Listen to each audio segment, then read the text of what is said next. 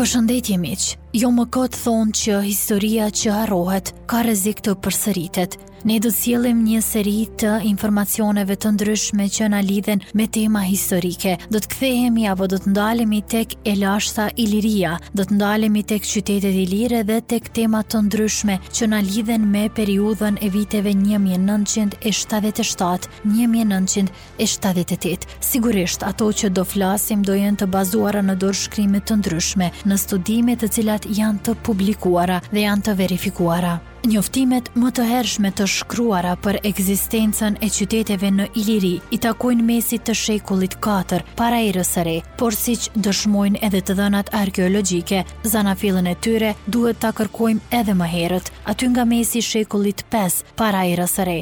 Gjatë shekullit katër deri në atë të dytë para erës së re, qyteti dhe jeta mori një zhvillim të vrullshëm. Ato u zhvilluan veçanërisht në krahinat e ultësirat bregdetare, nga Dyrahu deri në Apoloni. Qytetet ishin të ngritura në kodra të mbrojtura nga pikëpamja natyrore dhe të fortifikuara me mur rrethues të ndërtuar me blloqe gurësh. Në arkitekturën e tyre të brendshme, qytetet ilire u ndërtuan sipas shembullit të qyteteve bashkëkohëse të Greqisë, Maqedonisë dhe Epirit. Në vendet më të mira ndërtoheshin ngrehinat e rëndësishme shoqërore, si tempujt, teatrot, stadiumet dhe të tjera. Ne sot do ta nisim me qytetin e Amantisë, një prej qyteteve të lashta ilire. Tema te cilën do të fokusohemi do të jenë prerjet monetare të Amantisë. Por fillimisht ndalemi pak tek ky qytet ilir. Qyteti ilir i Amantisë, rrënojat e të cilit i gjejmë sot në fshatin Ploçë të rrethit të Vlorës, ka qenë sikurse dëshmojnë të dhënat e gërmimeve arkeologjike dhe ato të burimeve të shkruara, qendra ekonomike e politike, pra edhe qyteti më i rëndësishëm i krahinës dhe i fisit të njohur me të njëjtin emër. Kjo krahinë e banuar nga fisi ilir i Amantëve, shtrihej në bregun e majtë të rrjedhës së poshtme të Vjosës, me qendër kryesore luginën e Shushicës, që përbënte njëkohësisht territorin më të rëndësishëm ekonomik të fisit. Amantia bën pjesë në numrin e qyteteve ilire më të lulëzuara për sa i përket nivelit të zhvillimit ekonomik, administrativ dhe politik. Fillimet e jetës së këtij qyteti, sikurse del nga studimi i materialit arkeologjik të zbuluar në rrënojat e tij, i përkasin shekullit të pestë para erës sonë. Pas themelimit, Amantia filloi gradualisht të rritej dhe të zhvillohej si një qendër e rëndësishme skllavopronare. Pamjen e plotë të një qyteti të zhvilluar antik ajo e mori në shekujt tre dhe dy para erës sonë dhe vazhdoi të mbetej e tillë deri në fund të shekullit të parë para erës sonë. Gjatë kësaj periudhe, Amantia së bashku me krahinën rreth saj njeh një zhvillim të shpejtë të forcave prodhuese, i cili dëshmohet qartë nga të dhënat letrare, mbishkrimore e arkeologjike, edhe nga aktiviteti i gjerë në fushën e prerjeve monetare. Gjatë gërmimeve arkeologjike të kryera në Ploçë, Amanti, si dhe gjatë ekspeditave informative në pellgun e Vjosës, Është grumbulluar një material i pasur numizmatik, një pjesë të mirë të të cilit e përbëjnë monedhat e prera nga qyteti ilir i Amantisë. Në literaturën numizmatike, njoftimet e para për monedhat e Amantisë i kemi nga Ramus, i cili përshkruan një nga tipet e monedhave të këtij qyteti, tipin me Zeus dhe rrufe.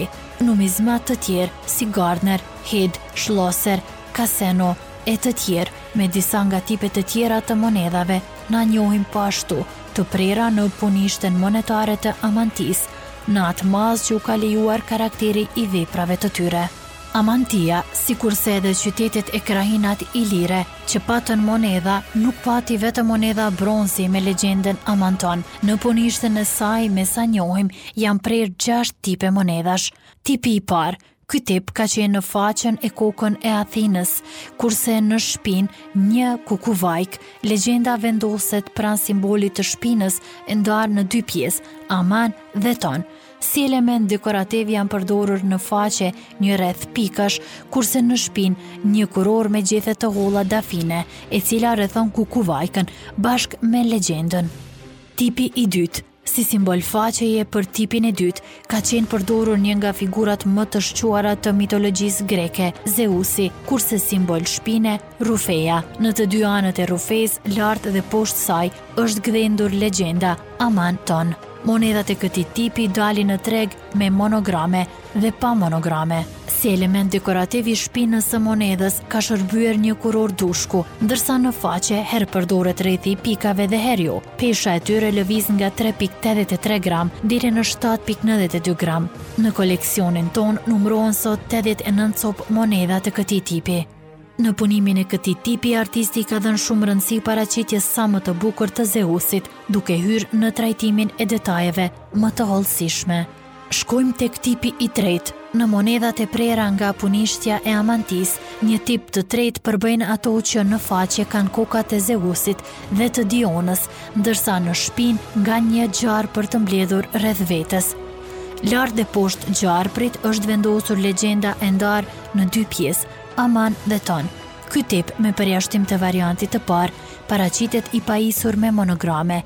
Si element dekorativ përdoret në shpinë një kurorë dafine, e cila rrethon gjarprin edhe legjendën, ndërsa në faqe rrallëherë përdoret rrethi i pikave.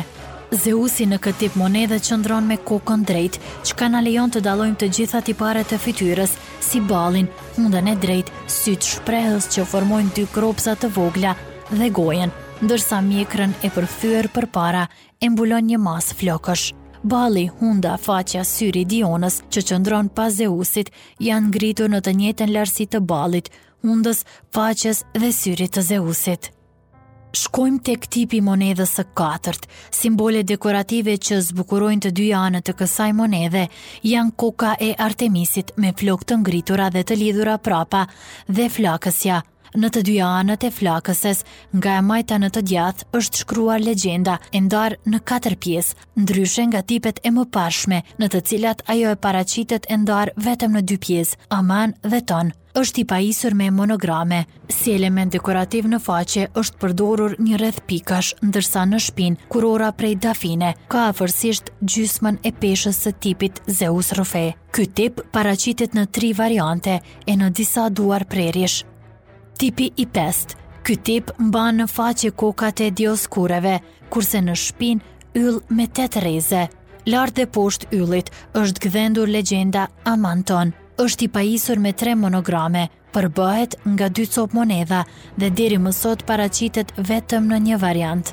Simbolet e faqes dhe të shpinës të këtij tipi i ndeshim edhe në prerjet e Koinonit Epirot, vetëm se aty ylli paraqitet me nëntë rreze.